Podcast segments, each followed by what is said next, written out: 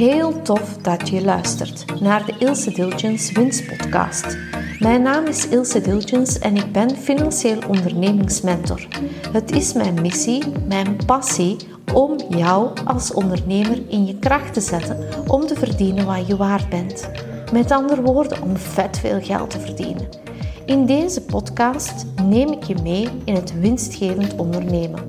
Winst in tijd, winst in goesting, winst in geld, winst in cashflow, winst in marketing en verkoop.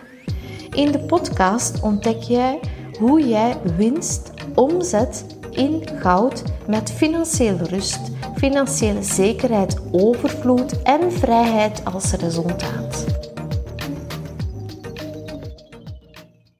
Hey enthousiaste ondernemers, welkom in deze derde aflevering van de Ilse Diltjens Winst Podcast. Waarom groeit jouw bedrijf niet? Dat is een veelgestelde vraag onder ondernemers. Waarom kunnen wij niet groeien? Wat houdt ons tegen? Wat uh, belemmert ons om de groei in ons bedrijf te realiseren? En ik vertel jou een verhaal dat ik zaterdag heb meegemaakt. Dus ik kocht mijn tweewekelijks boeket rozen bij een, eh, een kraampje aan de Hubo. En de rozenverkoper vertelde mij dat je best een stuk van de stengels uh, knipt wanneer dat je de rozen in de vaas zet, dus in het water dompelt, om de rozen zo lang mogelijk te laten schitteren, laten bloeien, um, om er zelf van te kunnen genieten in jouw huis van dit vers boeket.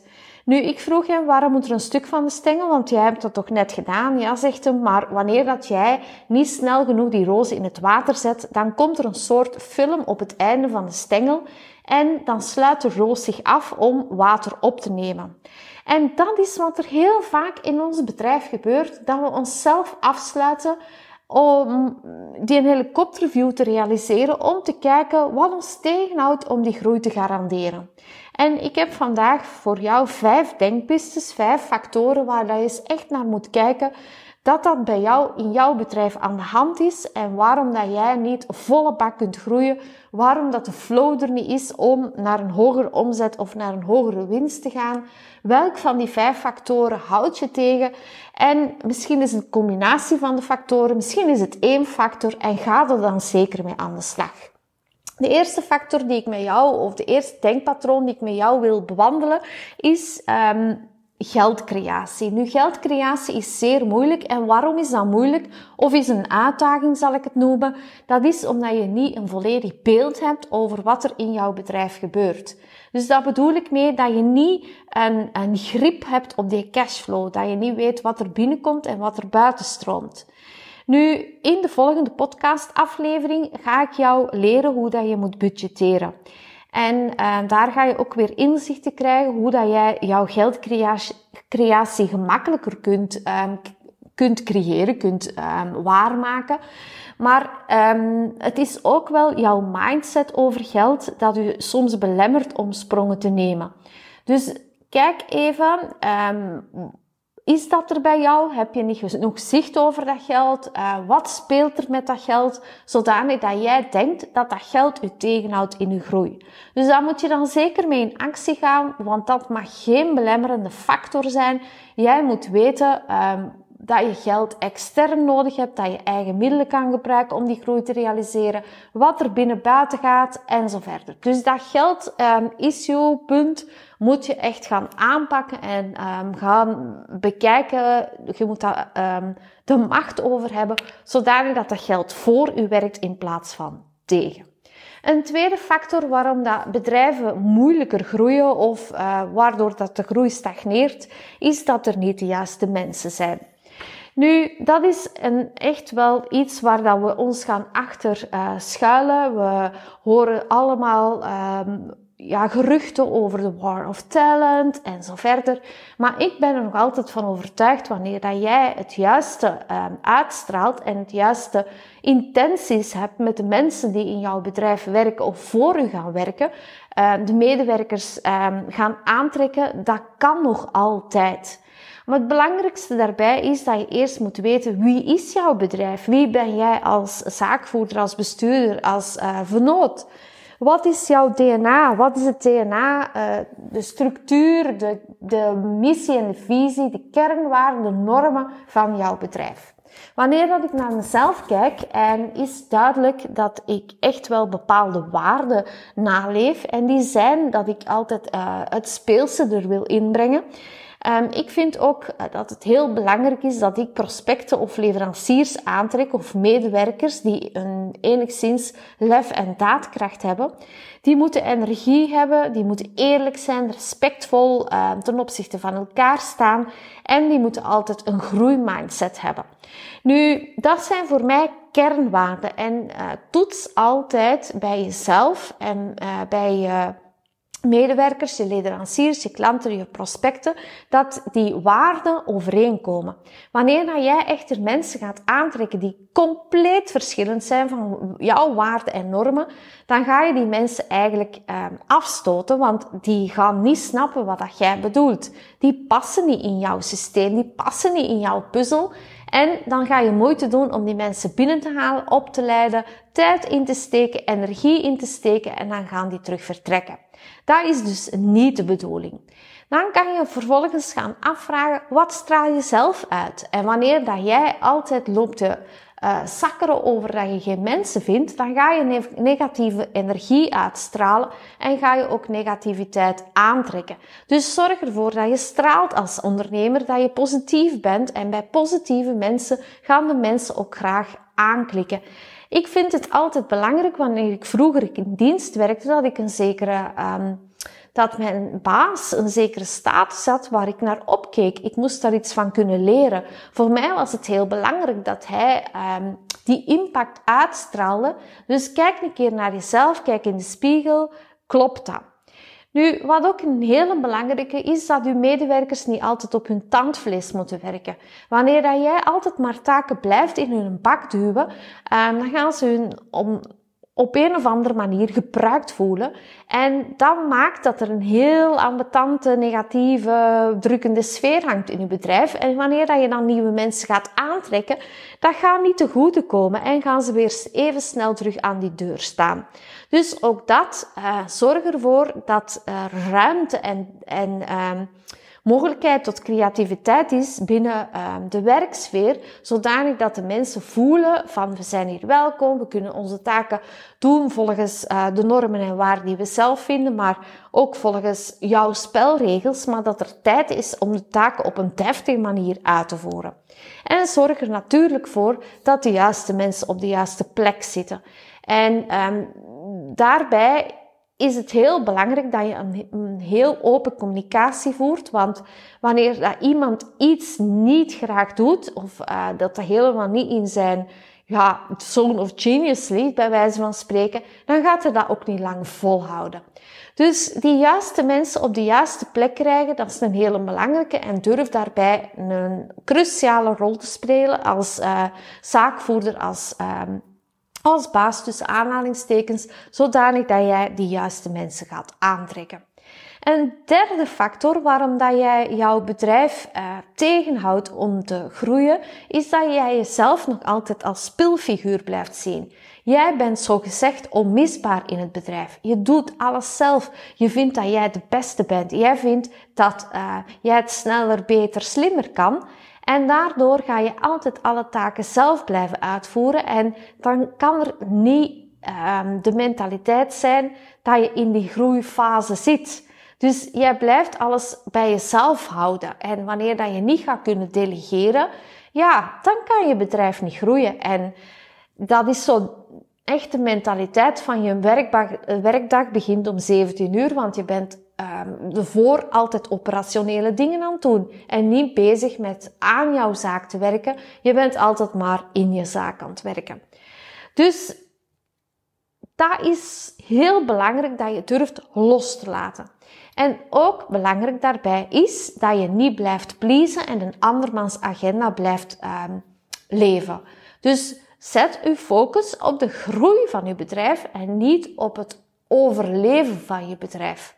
Dus ga daarvoor en durf daar echt jouw rol te pakken als bestuurder, vernoot, zaakvoerder en niet als werknemer.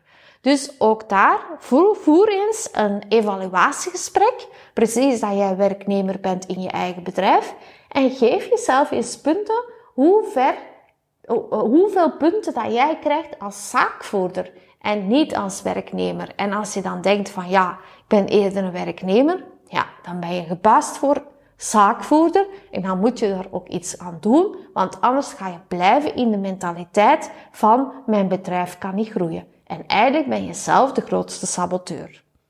Een vierde factor die jou tegenhoudt om up level te gaan, is dat je bang bent, dat je geen risico's durft te nemen. En dan vraag je jezelf, dan moet je jezelf eens afvragen van wat ben ik eigenlijk bang? En vaak gebeurt het dat je van iets bang bent dat eigenlijk nooit gaat gebeuren. En stel dat het gebeurt, wat is dan het ergste dat er kan gebeuren als dat gebeurt? En neem daar ook bij dat business has nothing to do with feelings. Dus laat die emoties los. Maar kijk altijd, en daar is de eerste factor belangrijk bij, dat die risico's draagbaar zijn. Dat je die um, kan dragen zijn de risico's logisch. En daarvoor moet je echt wel een heel goed zicht hebben op je geld. Um, nu, ik zeg niet dat je in, het, in de dieperik moet springen, dat je onnodige risico's moet nemen, dat zeg ik niet. Maar probeer te benoemen van welke risico's dat je bang bent en wat moet je doen om die risico's dan te verminderen, zodanig dat u, ja, u niet slapenniveau terug afneemt en dat je dat bang zijn terug kunt um, langs de kant schuiven.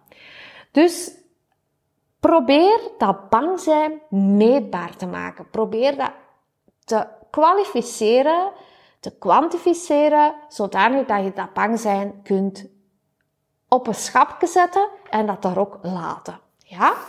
Een vijfde factor is natuurlijk het vertrouwen in jezelf.